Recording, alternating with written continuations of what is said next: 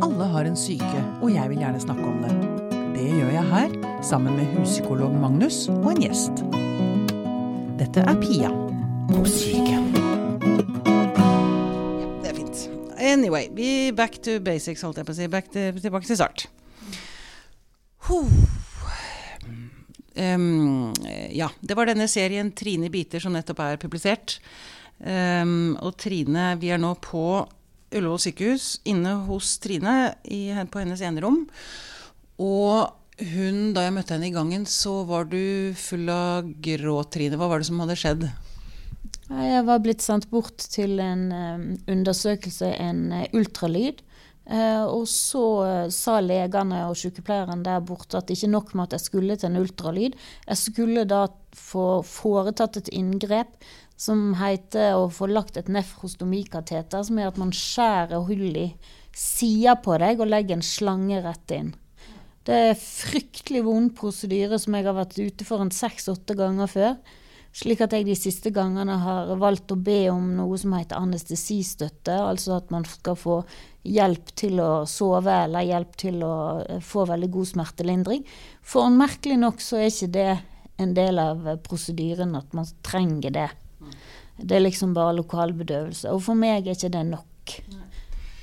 Um, um, dette er det, Vi skal bare kort fortelle litt om hva podkastserien 'Trine i biter' uh, handler om, som jeg da også er produsent for i mitt selskap Tid og Lyst.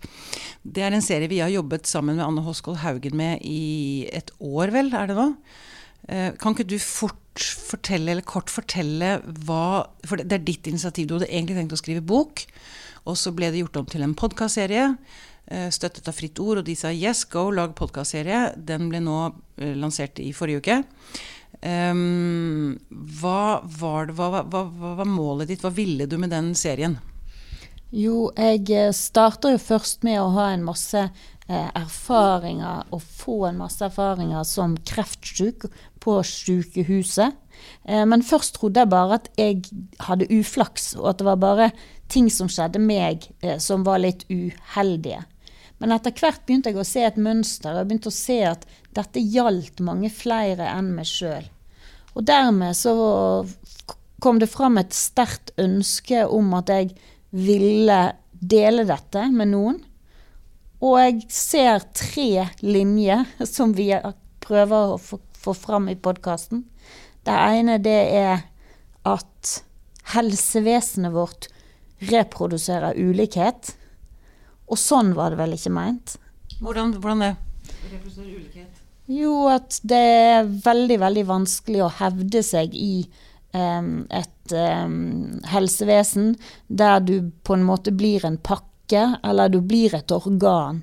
Derav eh, tittelen 'Trine i biter'. På sykehuset så blir jeg en tarm, et bryst, en nyre. Eh, så jeg blir stykka opp i biter, samtidig som jeg blir behandla av et helsevesen som også er i biter. De er også organisert i øyeavdelingen og gastroavdelingen. Og silo, silospesialiseringen?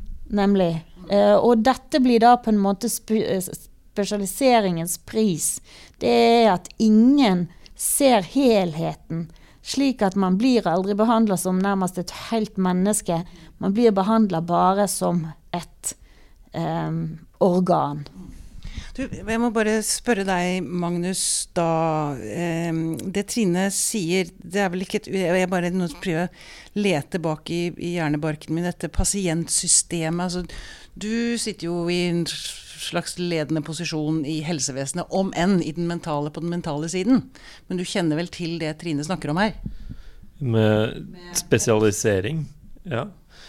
Uh, ja, jeg tror på en måte at uh, Det Pasientjournalsystemet og personvern og alt det greiene der kan du sikkert fortelle litt om? Ja, men akkurat det hun snakker om nå med inndeling i spesialiteter, um, så tror jeg at det er akkurat når det gjelder kreft og i somatikken, at det er et felt Der tror jeg vi skiller oss ganske mye.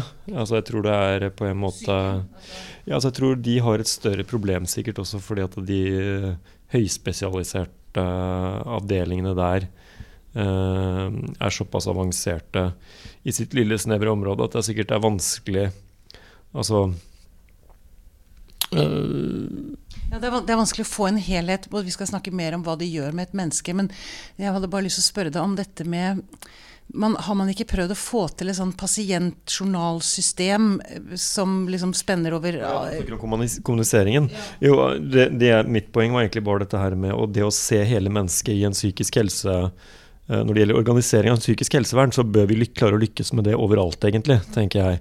I større grad, fordi vi er ikke avhengig av helt høyspesialiserte apparater og, og, og eh, Selve arbeidsformen vår er jo samtalen som er hovedinstrument, så der bør man kunne lykkes med veldig mye. Men når det gjelder journalsystemer og Eh, det med at man skal kunne ha fri flyt av kommunikasjon og sånn, så har det vært tekniske utfordringer der, ja. ja. ja det har vært i mange år? Ja, som man har prøvd å løse i mange år, ja. For det, det, jeg tenker, det Trine jo har opplevd, er at folk snakker jo ikke med hverandre. Det er jo du som må gjøre all snakkinga for alle legene og på alle nivåer, liksom. Ja, altså jeg er jo helt overraska over at ingen i Norge har bare tatt på seg en hatt og bestemt at alle helseforetak skal bruke samme journalsystem. Fordi hvis man da er så uheldig og er på ferie og blir eh, syk i feil helseregion, så slår de opp personnummeret ditt og finner bare en stor, blank, hvit skjerm. Og det ser ikke ut som det feiler deg noe som helst. Og dermed så sitter jo du og, og er avhengig av at du er ved dine fulle fem når du er blitt sjuk eh, og kan forklare hva det er som er problemstillingen. Mens derimot, hvis du var bevisstløs, hvis du var dement, hvis du eh, har andre utfordringer med språk osv., så, videre, så ville du jo kunne misse noen vitale opplysninger. F.eks. hvis du var allergisk mot noe og derfor absolutt ikke skulle få den og den type medisin. Ok, eh, som sagt da, denne historien til Trine ligger jo nå ute på Spotify i hvert fall. Eh, så den kan jo folk høre. Og det vil jeg anbefale, for det er en uh, heftig sterk historie. Og det, det, som er jo så å si, kult oppi dette, er jo at du For du var arkivar, var du ikke det? Så du har jo spart på absolutt alt. Ja, jeg er jo utdanna arkivar, da. Sånn at jeg har jo spart på absolutt alt. Og du må jo liksom eh, utvide boligen din for å få plass til alt det du får, og helst uh, på å si, hogge ned en hel skog for å lage trærne til, som skal bli papiret uh, du får sendt, tilsendt alle brevene på også. Så det er enormt og massivt det man får tilsendt, og vanskelig å håndtere og, og stå imot. Og der òg mener jeg at det reproduseres ulikhet. du skal være frisk for å bli sjuk? Ja. Fordi det er veldig mye å holde styr på. Ok, um, da skal vi gå dit hvor det er aller mest skummelt og aller mest smertefullt. Um, nå skal vi gå til døden. Og det er um, kanskje noe av det mest skremmende vi kan snakke om, Magnus kanskje? Ja. Um, ja, for det, i denne sammenhengen så er det en litt sånn tema også dette frykten og det at man omgår å ha døden som tema. Vi har, så, vi har, sånn berøringsangst, kanskje spesielt i Norge. Jeg tror jeg innbiller meg at det er at man er mer vant til andre kulturer. Ja, og jeg tror uh, det er riktig. Altså at man uh, Eh, skaper institusjoner som holder, altså, de klarer å holde døden litt på avstand gjennom å, å skape en annen type eh, gjennom, å, gjennom, å, gjøre det om til andre typer temaer, gjennom å profesjonalisere språk og begrepsbruken rundt det, så er det helt klart en slags eh, Mange vil hevde at det ligger en, en ganske stor berøringsangst i det også, i, i den profesjonaliseringen og ja, byråkratiseringen av For det er noe med det alle, Man kommer jo på sykehus for å bli frisk, eh, men det, man kommer liksom ikke unna at man en gang også skal dø. Nei. Og før i tiden så var det jo sånn, Da lå man på syning i tre døgn og sånn for at folk skulle komme og si adjø og sånn, men det, vi har liksom pakka døden, det, det er dit, vi har pakka døden helt vekk. Det er som om vi ikke vil ha noe med den å gjøre. Og så er det jo eh, De fleste vil jo være enig i at det å bli møtt på den smerten man står i, uh, uansett hva, man, hva slags smerte man står i, at det, at det føles godt når noen andre uh, anerkjenner og ser den smerten man står i, så jo, gjelder jo det også dødsfrykten hvis man står veldig nær døden, selvfølgelig. Og da kan jo den eh, det være føles veldig kaldt, da, ikke bli møtt på det, den reelle frykten man står i. Da. Og så er det jo da sånn Det er så rart å sitte her med sånn mikrofon og intervjue og liksom lage en reportasje. Um, jeg skulle ønske vi hadde sittet i studio, men det gjør vi ikke. Men ja. Um, nå, Hvorfor det, tenker du? At det skulle Nei, fordi uh, jeg, Nå føler jeg meg som sånn nyhetsreporter. Å oh, ja, nei. nei.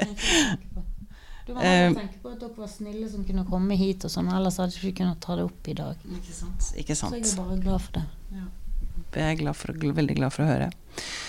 Så er det jo sånn at ingen vet hva morgendagen bringer, og ingen vet Vi vet jo ingen av oss egentlig hva det neste kvarteret har å by på. Men hvis man skal drive sannsynlighetsberegning, så står du nærmere døden enn det både Magnus og jeg gjør akkurat nå. Hva slags forhold har du til det? Har du beveget deg inn i de tankene og følelsene? Ja, jeg tror jo at jeg har det for egen del. Um, men jeg føler jo at jeg har gjort masse sånne praktiske ting som jeg vet at du tenker at vi ikke skal snakke så mye om. Men for meg som er da en arkivar og en slags praktiker, så blir det jo på en måte viktig det med å liksom gjøre seg klar. Jeg har drevet og rydda hjemme f.eks. og kasta, sånn at barna mine skal slippe å gjøre mye av den jobben. Jeg har skrevet testamente, jeg har skrevet på en måte en slags eh, gang i hvordan jeg kunne tenke meg å ha hatt en seremoni. Um, og hvordan jeg kunne tenke meg å bli begrava osv. Som jeg tenker at kan være lettere fordi jeg har barn som er veldig unge i livet. Så kan det være lettere for de å slippe å skulle ta stilling til en masse spørsmål. Fordi jeg opplevde det sjøl i forbindelse med at min egen far omkom i ei ulykke. Så var ingenting klart. Han hadde jo ikke planlagt å dø. Så vi fikk jo dette liksom midt i fleisen og skulle ta stilling til ting som vi aldri hadde tenkt at var nødvendig. Eh, og som vi egentlig ikke visste opp og ned på. Da var jo vi i 40-årene, jeg og søstrene mine. Eh, og sjøl da ble vi liksom på en måte slått veldig ut av det med døden. Um, så derfor så tenker jeg at det for meg har vært viktig å prøve å gjøre ting eh, enklere praktisk. Uh, og da kom, hvis vi kommer inn på følelsene, så tror jeg at det er det som er verst for meg det er å vite at jeg skal dø fra mine barn mens de er unge i livet.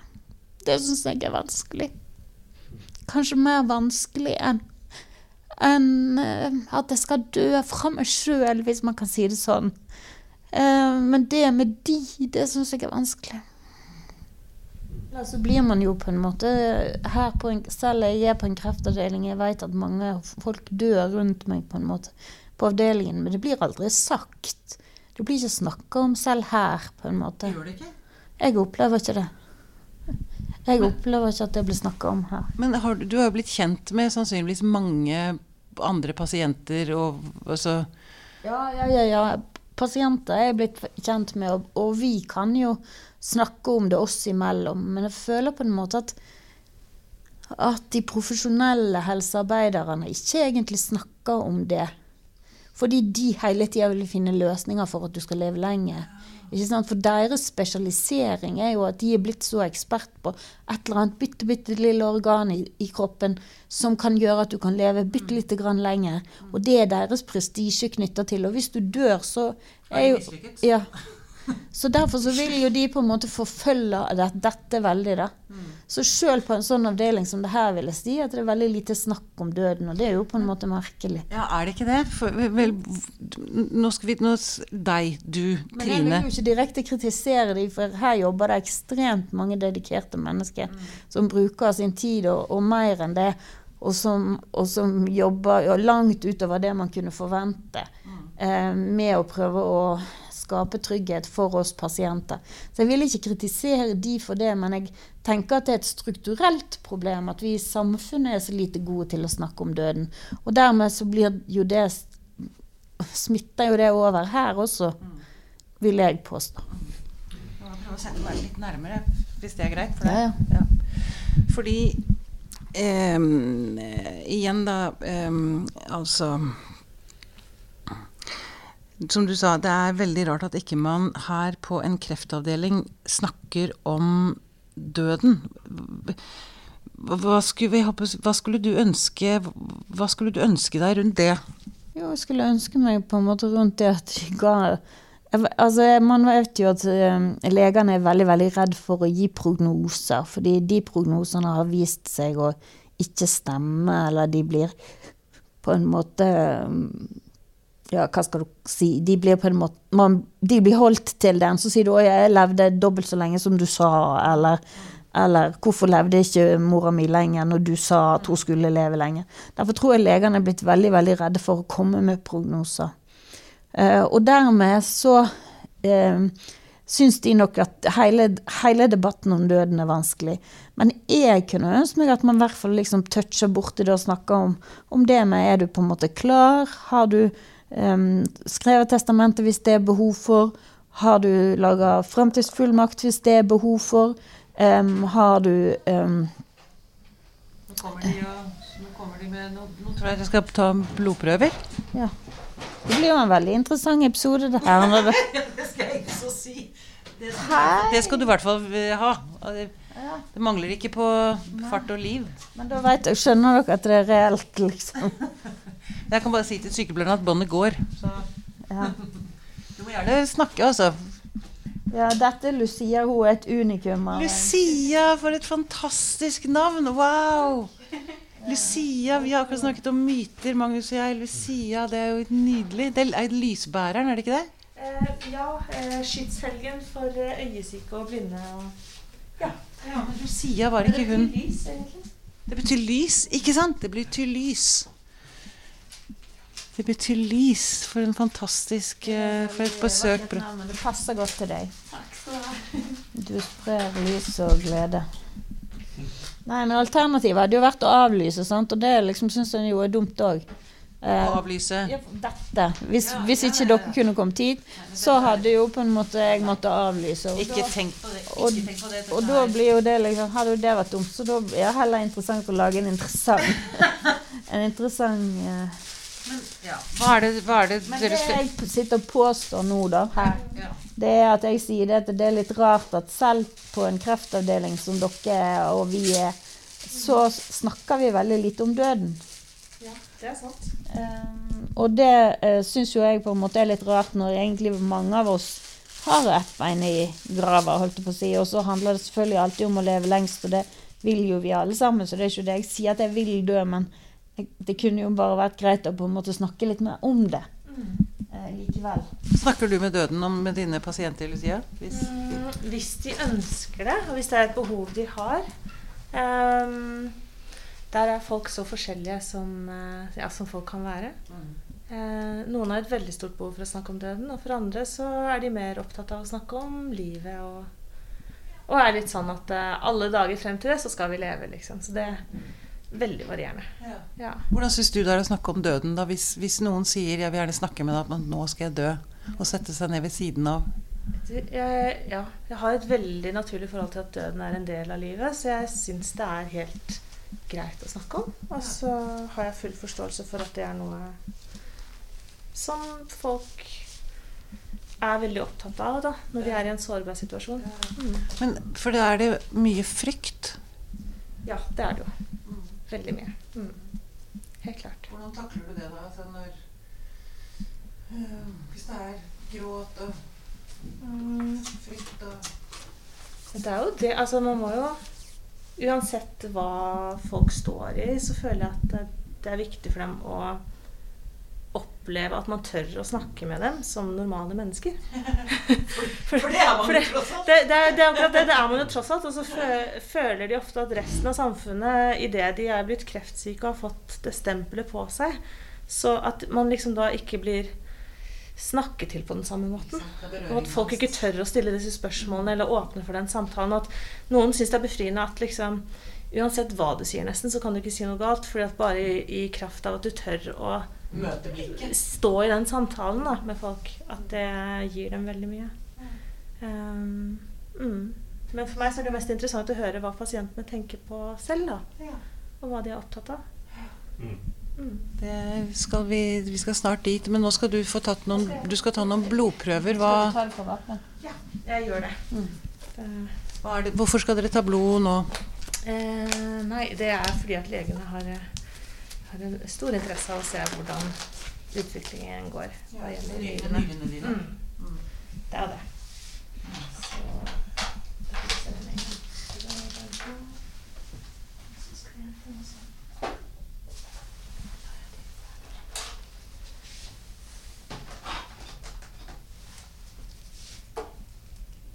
Så Det Lucia sier, Trine eh, eh, Eller gruer du deg til å ta blod nå? Nei, nei. Eller miste blod? Du sa ikke ta, du skal miste. Nei, nei, jeg gruer ikke. Men jeg tenker bare at det, liksom, det hun sier, er jo på en måte um, en veldig respekt for um, de pasientene hun har å gjøre med. Så hun sier hun snakker med dem hvis de er interessert i å snakke om døden. Um, mens det jeg nesten nærmest sier, er at vi skal alle snakke om døden. Og derfor er vi her. Og, det, og, det, blir jo på en måte en annen posisjon, ikke sant? Sånn at uh, hun, hun, har jo da i dette tilfellet eventuelt bare større respekt for, for uh, de hun har å gjøre med, da. Uh, men samtidig så tenker jeg at hvis det hadde vært mer naturlig for alle i samfunnet, så hadde det jo vært um, lettere og det var laga en eh, stortingsmelding eller en NOU som heter eh, 'På liv og død'. Um, som nettopp skal si noe om hvordan man skal f.eks. ha det man kaller palliativ behandling i Norge. Ja. Altså hvordan folk skal ha det på det siste, de som på en måte rekker å ha et sykdomsforløp. Altså de som ikke omkommer i ulykker osv. Uh, og der er man jo veldig uenig. Der finnes det jo to fagmiljø i Norge der det ene fagmiljøet mener at uh, vi kan ha det som vi har det. Og det andre fagmiljøet er inne på det som Lucia snak, nærmest snakker om, at uh, de vil helst um, snakke om livet. At det på en måte handler om livet like mye som det handler om døden. Men fordi det jeg da lurer på, når du sier at det ikke snakkes om døden, um, har du spurt? Har du bedt om å få snakke med noen om din egen død? Nei, jeg må jo bli litt svar skyldig for det. Jeg har nok ikke egentlig bedt om det. Men jeg tror jeg hadde venta liksom at noen skulle komme og si at de ville snakke om det. Nå er jeg her. Ja, ikke sant. Det er veldig bra. Da kan vi få snakke om det. Ja. Nei, men det, det, er nok litt sånn at jeg har ikke på en måte bedt sykepleiere om å snakke om det. Så hvis ikke på en måte de har eh, gjort det av, sin, av seg sjøl, på en måte. Da, sant? Nei, men de, venter på, de har jo respekt, de venter på at du skal ta initiativet. Åpenbart. Altså, men jeg har ikke den respekten. Det må jeg huske på til en annen gang. Men eh, derimot så er det jo da sånn at eh, medpasienter kan man jo snakke med. Mm. Gjør dere det? Gjør du det? Jo, jeg gjør det. Hva, hva snakker dere om? Jeg stormer jo ikke inn og snakker om døden før jeg har hilst på de, liksom. Jeg må jo bli kjent med de først. Eh, og da kan vi jo snakke om tidsperspektiv, hva vi ser for oss framover, hvordan det skal bli. Um, Hvilke på en måte prognoser man oppfatter at man har fått likevel, da. Til tross for at legene ikke vil si det rett ut. For dere er ganske flinke til å tolke signaler, kanskje? Ja, det vil jeg si at man er. Og man skjønner jo òg når det begynner å gå nedover, på en måte, når uh, det er organ som sliter. Så um, begynner man jo å forstå at det Eh, ja, at det påvirker lengden av livet man kan ha man kan se for seg. Mm. Hva ser du for deg da? Nå, etter dagen i dag? Nei, Hvis jeg skal være helt ærlig, så ser jeg for meg at hvis jeg lever ett og et halvt år til, så er jeg heldig. Ja. Fordi nå i det siste har det vært så mye, og liksom det ene etter det andre organet sliter. Fordi når på en måte kroppen har kjempa lenge nok, så er det veldig mange funksjoner som da blir under press. Så blant bare, bare de siste ukene hadde liksom, har jeg ligget på sykehus i fire uker sammenhengende. Men si meg, hva hvis legen nå senere i dag sier at Trine, nå snakker vi dager, uker? Ja, da ville jeg jo tilkalt barna mine som det første. Og så ville jeg jo prøvd å snakke med de eh, om de tingene som de hadde hatt å snakke om. Og så har jeg tenkt på en ting når det gjelder det med barna mine, og det er det at jeg har da unge barn som er eh, bare så vidt blitt myndige. Eh, og så tenker jeg at de er så unge at de kan, kan risikere å bli F.eks. Eh, ønske å gå i terapi når de er 30, la oss si det, da. Og så kommer de på at egentlig er de kjempesur på mora si fordi at jeg har gjort et eller annet som ikke var bra. Så da har jeg sagt til de begge to at det er lov å være sur på meg selv om jeg er død. Det er helt innafor å være sint på en som er død. Ja. Ja. Og det tror jeg er veldig viktig, fordi at eh, jeg har følt, selv følt at det har vært så vanskelig. Jeg har vært det eh, i et tilfelle før, og da syns jeg at det kunne jeg jo ikke tillate meg å være. For vedkommende var jo død og kunne ikke forsvare seg. Men jeg tenker at det er viktig å tenke på at alle har sin historie, og hvis det er sånn barna mine sin historie er at de, de er sinte på meg, så må de få lov til å være det. Og det, da skal vi over til eh, huspsykologen igjen, fordi nå er vi jo rett inne i ISTDP, eller inne i dette med å tillate seg selv å føle det man faktisk føler. Eh, og eh, man kan fort havne borti krøll med psyken hvis man f.eks. går og bærer på raseri eller sorg rundt dødsfall. Altså ja, mor. Mm. Ja, og det Det at mange kan oppleve gjennom kriser som alvorlig sykdom eller, eller faktisk død, at, uh, at man har sine viktigste samtaler akkurat rundt de, de stundene der, det er veldig vanlig. Uh, ja, ikke sant. De viktigste samtalene kommer når man vet at døden står det det. Og med psyken vår som opplever som, som uh, hvor, hvor, det presser seg på en forståelse av at de store spørsmålene som har ligget der uavklart over lengre tid, at tiden er kommet til at de må enten få spille seg ut, eller nå eller aldri. Og at, uh, og at de og det er de store spørsmålene da, som de kommer veldig i forgrunn.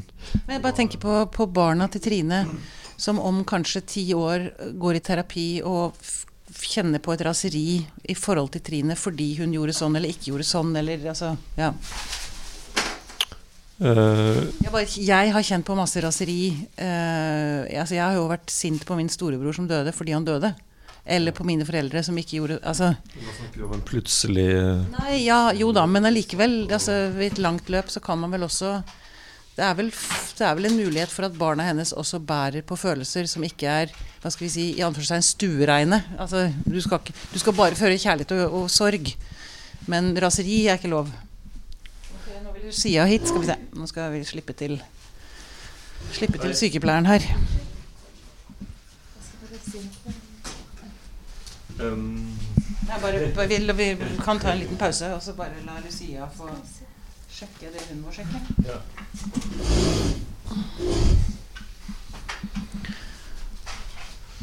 Ja, det, ja, det, ja. Jeg tenker jo i hvert fall at det er jo, det er jo i hvert fall sånn i alle amerikanske filmer.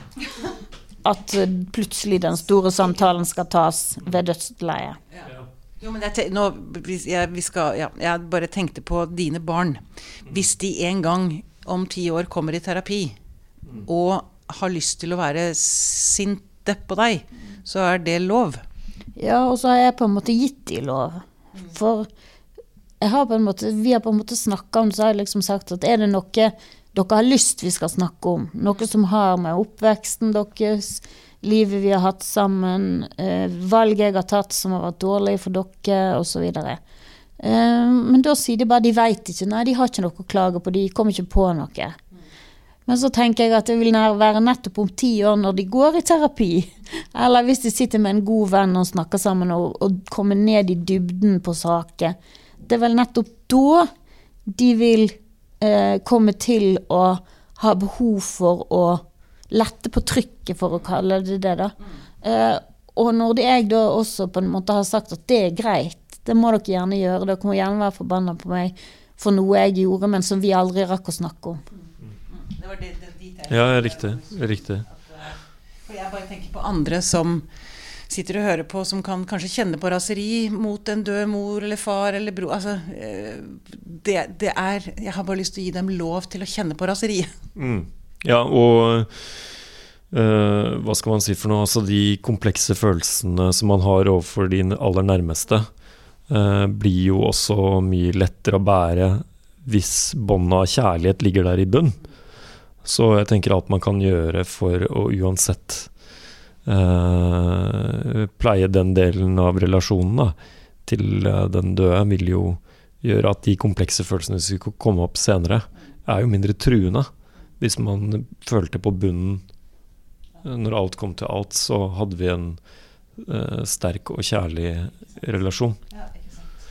Eh, så det, det mange føler nok det, det er nok et større problem for de som føler at det var tvetydighet der. Var jeg ordentlig elsket? Var det et eller annet Eller elsket jeg henne nok? Ja, en ikke sant? Var Alt jeg, var jeg flink nok som sønn eller datter? Eh, Alltid, alle de temaene der altså, berører den helt sånn grunnleggende tilliten til relasjonen. At den faktisk hadde stor nok verdi da, for det man egentlig ønsket. Men, det- men det der med det, det jeg sa i sted, var- handlet egentlig bare mer om det med plutselig dødsfall. At det da er et større sjokk for systemet. Nettopp fordi at den eh, forberedelsen ikke Man får ikke gjort den. Ja. Mm, Det var jo det du opplevde med faren din, Trine. Men nå er det jo en helt annen situasjon. Du har jo hatt lang tid på å forberede dine barn og deg selv på det. Um, um, ja, hvordan Jeg bare kom til å tenke på Du har jo også laget ferdig en spilleliste til begravelsen din. Skulle du fortelle litt om eh, hvilke låter du har valgt? Og hvorfor? Ja, det var vel òg et, et uttrykk for at jeg skulle ønske å gjøre gutta mine sitt, eh, sine bestemmelser litt enklere. Fordi at eh, det blir så mye igjen man må ta stilling til. Og så tenkte jeg vel at jeg kunne tenkt meg en humanistisk eh, seremoni. Eh, og det er kanskje ikke så lett på Vestlandet. Um, så der, der er det ikke så mange som på en måte er utdannet eller godkjente som sånne seremonimestere. Og da måtte man på en måte kanskje ha laga seg en seremoni sjøl, basert mye på musikk. Og jeg har opplevd veldig mange begravelser jeg sjøl har vært i opp gjennom livet, at musikken er der man hviler i en begravelse. En begravelse er en ekstremt slitsom affære å være i. Og jeg syns at hver gang det blir snakka, da er det jo et minneord. Da er det jo en eller annen som snakker om vedkommende som er død. Og det er beintøft, syns jeg, å høre på. Men så kommer det alltid et musikkstykke eller en sang som man kan hvile i. Eh, og det eh, har gjort at jeg har syntes at det har vært så viktig å ha noen alternativ i, forhold til eh, egen begravelse. Um, og da har jeg jo typisk valgt eh, filmmusikk, da. Jeg så jeg, Ennio Morricone er, eh, er, eh, er du glad i? Ja, fordi han har laga eh, filmmusikken til mange store filmer. Um, så det kun, han, det ville jeg gjerne hatt eh, noen musikkstykker med han. F.eks. noen fra den filmen som heter 'Once Upon a Time in America'. Og så er det et annet stykke som jeg vet brukes ofte, som mange ville kjenne igjen, som heter 'Gabriels obo'. Eh, som også egner seg veldig veldig godt, syns jeg, i en sånn type seremoni eller begravelse generelt. Um, og så kan man jo liksom gå, gå videre på lista, og jeg har jo mange, men jeg, jeg føler i hvert fall at det er viktig å si at eh, for meg så er i hvert fall musikk viktig for å, for å slappe av litt i en begravelse. Lyst det er jo en sang som jeg vet Anne fikk kjøpt ut rettighetene til. Uh, Sting. uh, hva, hva var det den hva, um? Ja, det er sånn at uh, Sting er jo en velkjent artist, og han har jo laga mange flotte sanger. Og han har en sang som heter 'Fields of Gold'. Um, så er det en norsk eh, eh, tekstforfatter som har skrevet den om, eller fått eh, rettighetene fra Sting til å gjendikte de til nynorsk. Og han heter Kjell Inge Torgersen. Og eh, han hadde gjort det med akkurat den sangen, og den heter da 'Aks av gull'. Og det at den er på nynorsk, det tror jeg Det liker jeg.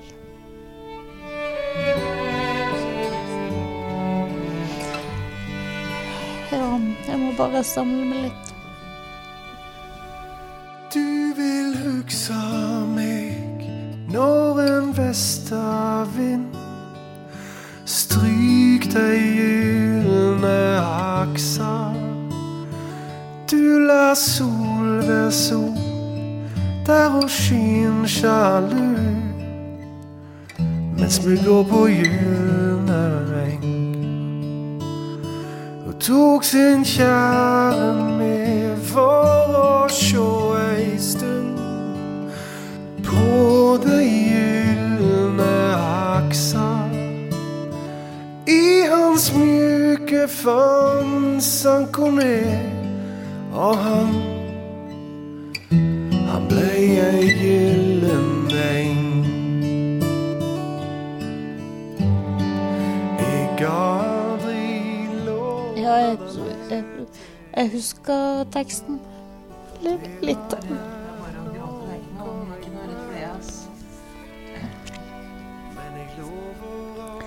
Jeg er nok litt skjør, for det har skjedd litt mye i dag.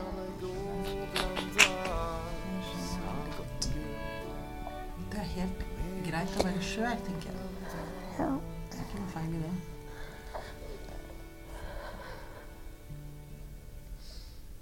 Det er helt innafor.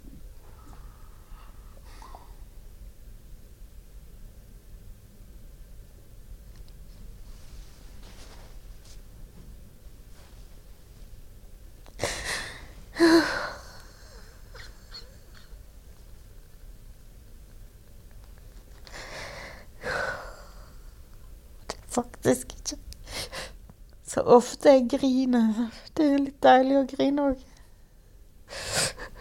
Få ut litt fortvilelse.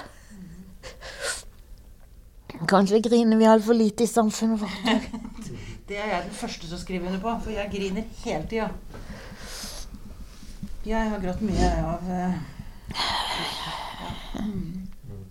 Men i hvert fall den teksten til 'Aks av gull', den er som sagt på nynorsk. Og så det første strofa, den er sånn at Du vil hugsa meg når en vestavind stryk de gylne aksa. Og det syns jeg er så veldig fint å tenke på. At da er man jo på en måte Man blir jo huska av folk i fremtida gjennom ting de ser eller lukter, eller ting som på en måte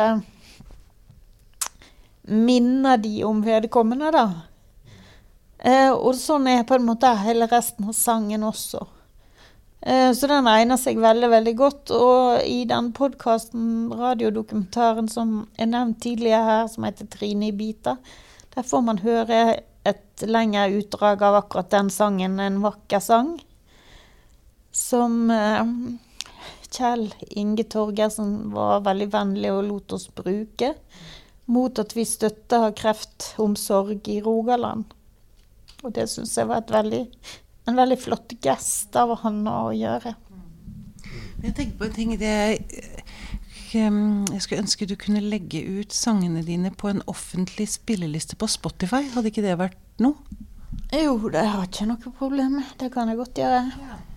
Jeg har så lyst til å høre Jeg er jo veldig opptatt av musikk, det vet jeg Magnus er også. Ehm, høre disse sangene du eh, forestiller deg i begravelsen din. Det hadde vært så fint å få lov til å være med inn i den på den reisen. Nei, men det kunne man jo godt ha gjort. Og så er det jo òg en annen sang som jeg vet brukes i eh, kirka. Eh, og det syns jeg er så positivt at kirkerommet også er blitt utvida til at man ikke kun trenger å høre på salmer, eller bruke salmeboka.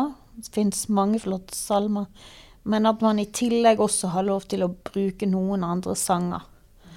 Og den ene sangen som jeg vet blir brukt mange steder, som man har gitt lov til å bruke, er en sang fra en norsk gruppe som heter Elle Melle, som heter 'Himmelhøges tid'. Den er fantastisk. Ja, og den er på en måte veldig sånn med metaforer, den også. Eh, om metaforer i naturen.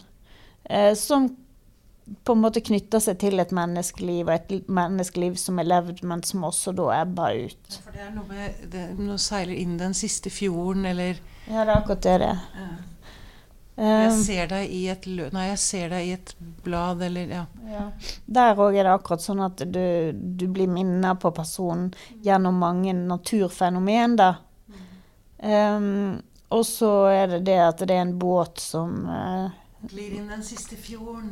glir inn den siste fjorden. Så det er òg en veldig vakker sang, og jeg syns det er så positivt at den også har fått på en måte rom i kirka. Slik at det er enda flere som på en måte får lov til å bruke den, og andre sanger der. Eh, Sånn at kirkerommet også på en måte blir et moderne sted der man tar opp i seg en del eh, nye sanger og nye fenomen som skjer da i samfunnet rundt. Og det er kanskje et tegn på at vi også begynner å um, For det En ting er døden, ikke sant. Vi forbinder det Jeg, i hvert fall. Måten det beskrives ute Det er liksom kors og prest og en kiste, og det er så hardt og så fjernt. Og så er jo egentlig Det er ingenting som er nærere og dypere på en eller annen måte enn døden. Nå klarer jeg ikke helt å gjøre rede for meg, kjenner jeg, men Eh, Det er så viktig å finne rom som rommer sorgen. De som, de som sitter igjen, at de har steder å gå hvor de får plass og blir møtt med alt de har. Er du med meg? Skjønner du hva jeg tenker, hva jeg, hva jeg prøver å si her? Jo, jeg, jeg tror jeg eh, Ja, Det at kirken har åpna opp, og at det ikke bare er salmer som vi ikke har en dritt forhold til, men at endelig får, vi får sanger som Altså, jeg har sittet og hørt den LML-sangen sikkert 100 ganger i forbindelse med et annet dødsfall. Og jeg elsker å sitte hjemme alene og sette på den og gråte og gråte og gråte og gråte og slippe taket, liksom. Altså, det er min måte å bearbeide, bearbeide sorgen min på, da. ja. Ja, nei, men jeg mener jo òg at det fins mange flotte salmer, men igjen, jeg er enig med deg. Det er veldig deilig at eh, kirka har eh, også økt rommet for hva som er mulig å spille i, i kirka til kirkelige seremonier. Det tror jeg er veldig positivt, for det gjør jo at kirka på en måte følger med i tida. Og gir oss mennesker det vi trenger, nemlig et rom hvor vi kan gå. Et sted vi kan gå.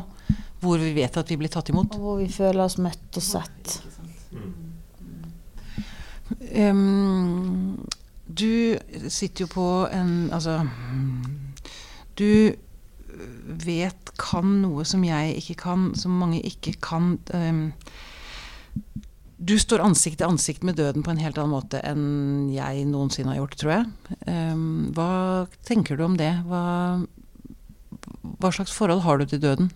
Når du skal møte ham, henne, den, hva det nå er. Nei, jeg er ikke redd i det hele tatt. Er du ikke det? Nei, Hvorfor ikke? Nei, det kan jeg ikke svare på. Men jeg kan svare på at jeg er ikke redd. Um, hvis det er slutt nå, for min vedkommende Nå sitter vi på rom 2006 på kreftavdelinga på Ullevål sykehus. Og klokka fem, om en liten time, så blir jeg henta bort til å foreta et inngrep. La oss si at jeg aldri våkner fra den narkosen. La oss si at noe går galt og jeg faktisk dør. Hvis det er slutt nå, så er jeg så takknemlig. For jeg har hatt et så godt liv, og jeg har møtt så mange interessante folk. Og jeg har reist rundt i verden, og jeg har opplevd så mye. Så jeg kjenner egentlig nærmest kun takknemlighet. Eh, og derfor er jeg heller ikke redd, fordi skulle det være slutt, så var det dette jeg fikk. Og det var godt nok. Det var bra, og jeg takker for alt eh, som har vært. Eh, så vil jeg likevel, hvor enn jeg havner, bekymre meg for kidsa mine. Hvordan det skulle gå med de, at jeg aldri skulle oppleve at de f.eks. etablerte seg, fikk barnebarn, at jeg skulle være store mat av familier som lager juleselskap for all fremtid. Det skulle jeg jo veldig gjerne ha gjort. Så det er jo på en måte der sorgen ligger. Den største sorgen ligger. Når det gjelder forholdet til selve livet og døden, så er jeg generelt takknemlig og veldig, veldig rolig um, i forhold til det som kommer til å skje. Så jeg frykter ikke døden på noen måte. Um, men jeg kunne godt tenke meg at man snakker mer om det, og at eh, man på en måte i forhold til venninner og, og venner og på en måte nære familie, at det var mindre farlig å, å tabu å ta det opp da, og at alle på en måte var innforstått med at det var greit å snakke om. For det opplever jeg ikke at det er. Jeg opplever at jeg må på en måte skåne andre ved å unngå å snakke om det, fordi at de ikke takler det. Eh, ja. Mm. Da um, Ja. Jeg, kom på en, en venn av meg som fortalte Som er religiøs, som fortalte at han tenkte at uh, vi i skandinaviske land så er det et sånn syn på at vi er veldig sånn frigjort fra religions, religionsåk og religionsmoralisme og sånn, ved at vi har blitt veldig frigjorte fra religion. Men samtidig at folk som er eh, i mer religiøse land, har et friere forhold til å snakke om døden. Så han så på en måte et paradoks i det. Hva- Tenker du at det kan være noe i det? Absolutt. Det syns jeg var veldig godt formulert. Det tenker jeg at absolutt nok må være noe i. Og at vi nok kunne hatt veldig godt av å åpne opp og blitt mer frigjorte på det punktet òg. Og det er jo rart at vi ikke er blitt frigjorte akkurat på det punktet når vi ellers har liksom klart å frigjøre oss fra ting. Nei, for jeg tenker bare på den kulturen vi kommer fra. Altså øh, Ja, en ting er som vi har snakket om tidligere, Pia, dette med gresk-antikken. Eh, hva, hva man på en måte har Nå er det jo sånn ca. 10% av det vi har igjen, da, av det de anså for god litteratur og sånn, men det handler jo veldig mye om døden. Og om folk som sørger eh, for døden, hvilket, hva de tenker om sin egen død, nær forestående død. Uh, og at det tydeligvis har vært noe som i tidligere kulturer har opptatt alle folk i veldig stor grad. Ja? Men så tenker jeg også, sant, dette med, med sorg da, og gråten, som Trine var inne på, det har vi liksom heller ikke rom for i Norge. I, altså, det er kanskje greit i begravelsen, men du skal liksom ikke sitte og hulke på bussen. Altså, At det blir ansett for å være litt sånn At det er noe rart. Ja, noe, ja, men jeg tenker I andre land så har de gråtekoner som hjelper en enke med å sørge, mann, sørge over mannen sin. Eller, ja, jeg vet ikke om antikkens Hellas hadde noe sånt. Ja.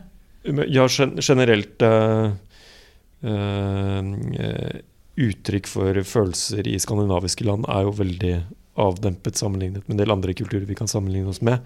Så det er jo Spesielt de som kommer fra Latin-Amerika, de sier jo det at de, opp, de føler de blir, blir sett på som litt sprø. Eh, og det tror jeg gjelder uttrykk for mange forskjellige følelser, men sikkert også stor tristhet. Da. Det er så. Hvilket land skulle du ønske at du hadde holdt på å si, dødd i? Jeg vet at det er Norge, og, altså, selvfølgelig. Men hvilken hvilken seremoni hadde du elsket at sønnene dine, barna dine, fikk lov til å være med på? For å feire Eh, feire ditt liv. Jeg tror nok jeg er blitt svarskyldig at jeg vet for lite om all, all verdens kulturer, men jeg tror nok kanskje at Latin-Amerika ja kunne vært en, en verdensdel jeg kunne tenkt meg å ha dødd i. Fordi Nei, fordi jeg opplever det som Magnus sier, at der er det på en måte mindre sperre mot å snakke om døden. Det er en mer overgang eh, mellom liv og død. Eh, de har det på en måte mer med i livet hele tida, at de på en måte har et blikk mot døden, hvis man kan si det sånn. Eh, og at seremoniene òg liksom virker ganske sånn storslåtte, og der folk får virkelig utløp for sine følelser.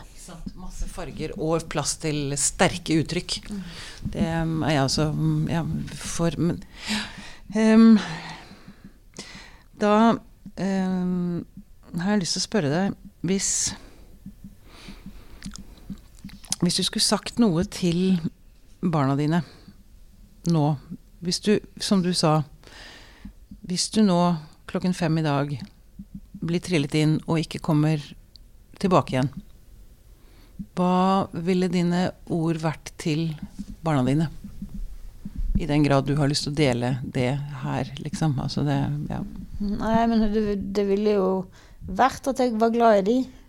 Eh, og så ville det jo vært det som jeg sa før, å gjenta det at liksom Skulle de likevel finne ut at de eh, syns at noen av mine valg hadde påvirka de negativt i livet, og det skulle de komme til å tenke på nå eller om 14 dager eller om 10 år, så var det lov, og det var lov å ha alle følelser i møte med, med dette. Og på en måte òg kanskje lov å ha den følelsen at jeg svikter de ved å dø.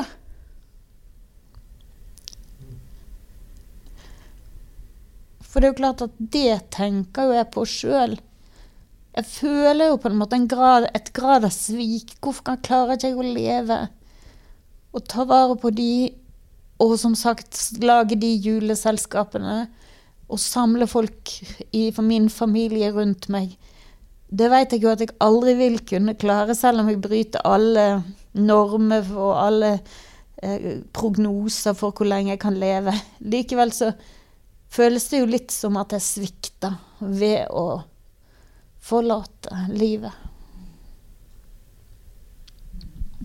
Og hvis vi setter, går bakenfor det sviket, da, hvis vi setter det til side at ok, det gjør du ikke, for det har du rett og slett ikke Det ligger ikke i din makt. Um, det siste var hvis, hvis dette er siste gang vi snakker sammen, hva ville du sagt til meg eller til Anne eller til lytterne eller til livet? Eller ja. Nei, jeg ville sagt at jeg var takknemlig, og at man aldri skulle gå rundt og tenke om mitt liv at jeg ikke var det. Men på en måte at jeg hadde levd et fullverdig liv, selv om det ble litt kortere enn de flestes. Så ville jeg sagt at det, det var viktig for ungene, for meg og for ungene mine til å forstå at jeg faktisk har hatt et godt liv, og at det ikke er synd på meg. Det trenger ikke de å gå rundt og tenke på eller være bekymra for. Jeg har det, og har hatt det, utrolig bra. Og jeg er takknemlig, og jeg kjenner på en takknemlighet. Eh, så de trenger aldri å tenke at eh, hun burde levd litt til fordi vi skulle gjort det og det i lag. Vi har gjort de viktige tingene i lag. Det som handler om relasjoner, det som handler om å bygge relasjoner. Det som handler om å være sammen i, i det gode. Um, og mer enn det kan man jo ikke gi til sine barn, fordi det er jo meninga at barna skal fly fra redet. Og det er jo meninga at de skal finne sin vei, uavhengig av meg uansett om jeg hadde levd eller ei.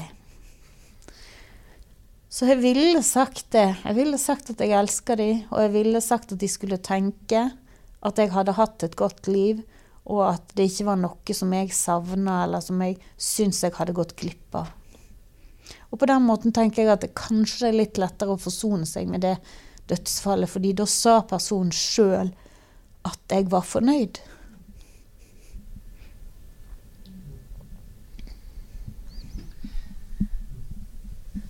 Det er um, nydelig. Jeg har ikke mer spørsmål, jeg, Trine. Jeg vet ikke om det er noe mer du har lyst til å si. Nei, jeg bare synes dette liksom Jeg føler at det stemmer mye. Jeg pleier ikke å ha sånn pipestemme sånn som jeg har nå. Jeg pleier å ha mye mer sånn dyp, rolig stemme, men nå har jeg litt sånn, er litt sånn som sagt skjør. Men eh, så hvis at det er noe sånt, så må du jo heller vurdere om vi må ta det opp igjen, eller noe sånn om det, da. Men du får klippe eller gjøre det som blir best. Men jeg tenker jo at når vi snakker fordi det er jo det en del folk som sier til meg sånn at jeg virker så instrumentell når jeg snakker om alt som har med sykdom og alt som har med min historie å gjøre, og også med døden. Og det gjør jeg vel kanskje til og med i den episode fire i podkasten. Så derfor så skader det vel kanskje ikke at jeg i en, i en podkast om døden blir litt lei meg. Får jeg spørre deg om den podkastserien og den vanvittige jobben du har gjort med å få det opp og frem og ut. Hva er drømmen din for Hva, hva ønsker du at den podkastserien skal bidra til? Jeg ønsker at den podkastserien skal skape stor debatt og lokalt eh, engasjement. Når vi lanserte den i Farsund, så var det masse eh, lokale eh, publikum, selvfølgelig.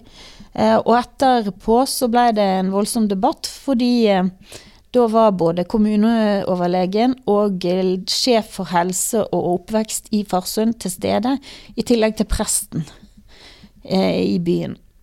Og der kom det da frem at Farsund ikke har en kreftkoordinator, og at veldig mange av de som var der, følte at det var um, et stort savn, og hadde vært det. Og at de hadde hatt bruk for en såkalt kreftkoordinator. Dette er da en stilling som ikke har en fast stillingshjemmel, dessverre, og dermed ofte ender med å bli spist opp av de øvrige administrative oppgavene som en kommune eller en bydel har. Eh, Men her på det her møtet så fikk altså ledelsen gjennomgå så til de grader. Og hun kommuneoverlegen kom tilbake og sa det at eh, hun måtte bare si at eh, hun måtte ta dette med seg og skulle love å ta det med til eh, eh, tilbake og, og gjøre noe med det. Og det er det som jeg ønsker med det. Det er det at det skal skape debatt lokalt, der det kanskje går an å få gjort noe med det. Og så ønsker jeg en ting til, og det er at jeg ønsker et felles eh, journalsystem for hele landet. Og når Ingvild Kjerkol kan drive med såkalt eh, statlig overstyring når det gjelder å eh, få tatt um, Nå kommer Lucia tilbake, så flere, flere blodprøver, det. Og tatt eh, eh, nei, nå, nå kom jeg helt ut av det. Nei, det var ikke det. Er ikke det. Kjerkol kan drive statlig overstyring og bestemme at hun skal legge ned Ullevål sykehus, men hun skal eh, få det bygd på tomta til eh, Rikshospitalet. Da synes, skjønner ikke jeg noe annet enn at hun som eh, helseminister må kunne overkjøre alle helseforetakene og si at det er ikke ok at alle helseforetakene er blitt så store og enerådige at de velger å bruke ulike em, datasystem. Og det er jo et spørsmål om vi ikke har rett og slett um, ofra folk på eh, personvernets alter. Fordi pga. personvern så har det vært så vanskelig å få lov til å lagre opplysninger og dermed dele de, eh, at det har blitt for vanskelig. Og de rette instanser har kanskje ikke fått den informasjonen de burde hatt. Må bare høre med Lucia hva som skjer nå, jeg. Mm, Jeg tenkte jeg skulle si fra til deg, Trine. Nå er det profylaktisk antibiotika. Det er forebyggende før inngrepet. Mm. Du er så rutinert. Jeg tenkte det, at det var det det var. Så Lucia må få henge opp uh... Jeg skal bli litt, så jeg tenkte jeg skulle være litt ninja. sånn.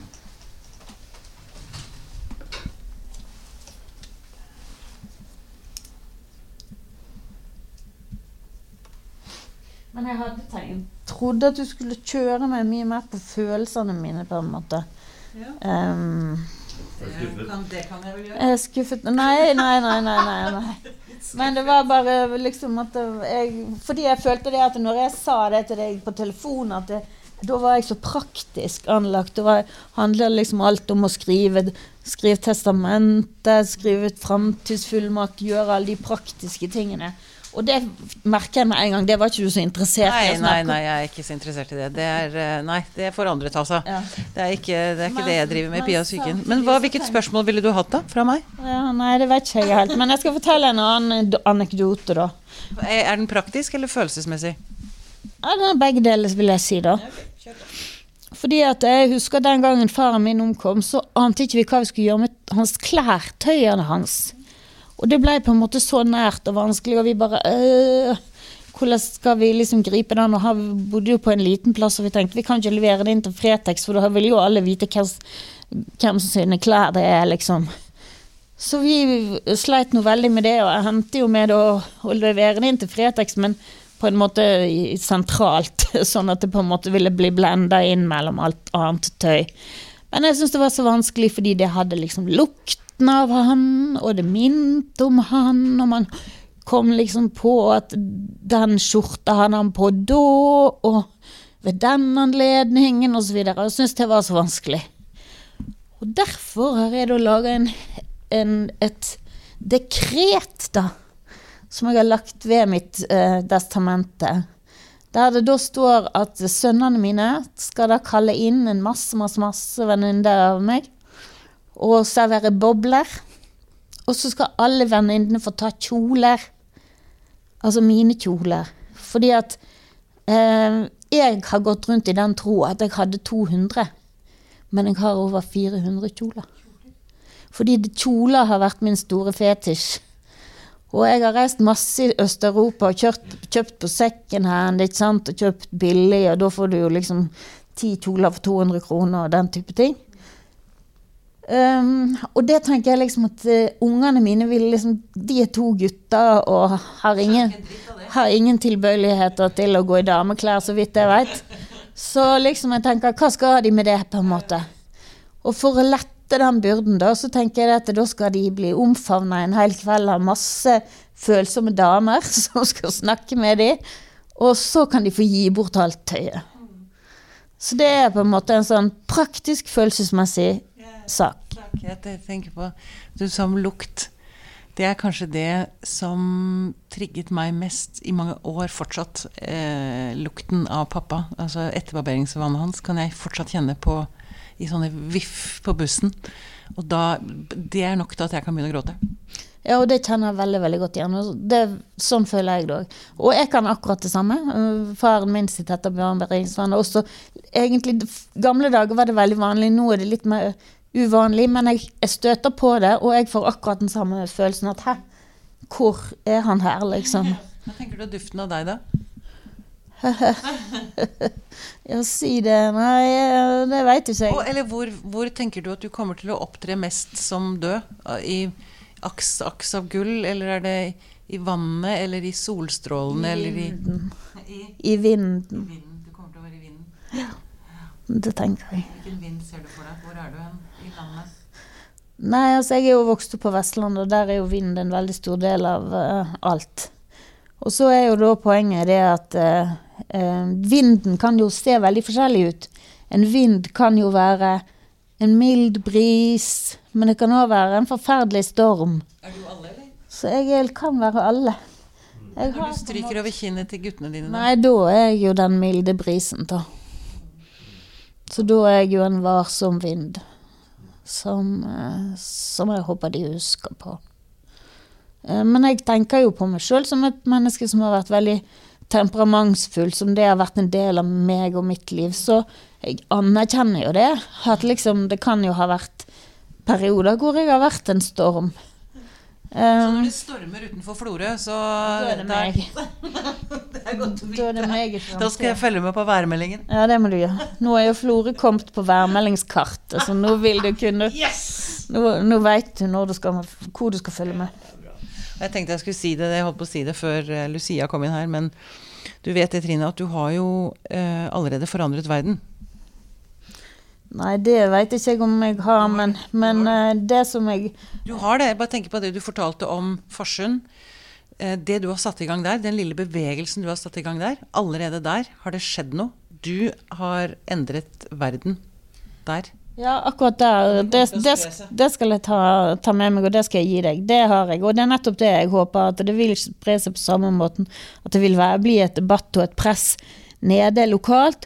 Og kanskje òg kunne det blitt et press litt høyere opp, hvor man på en måte må erkjenne at man skulle diskutert en del av de problemstillingene som jeg har. Og én ting som jeg brenner veldig for, det er det faktum at egentlig i ulike lover, f.eks. spesialisthelselover, så har man som pasient veldig mange rettigheter. Problemet er bare at man får ikke vite om de. For helsefagarbeiderne, som dere ser her, de løper så fort, de har så mye å gjøre, at de har ikke tid til å informere pasientene om alt som egentlig du har rett på. Og dermed så er det mange som aldri får vite at de egentlig skulle hatt en fast kontaktlege som kunne filtrert eh, informasjon ned. Og derfor ønsker jeg flere hender på jobb, slik at vi kan få de rettighetene som allerede er lovfesta. Fordi det er jo bare å bestemme, sende et dekret om at nå er det fra 1.1.2023, så er det dette programmet vi bruker.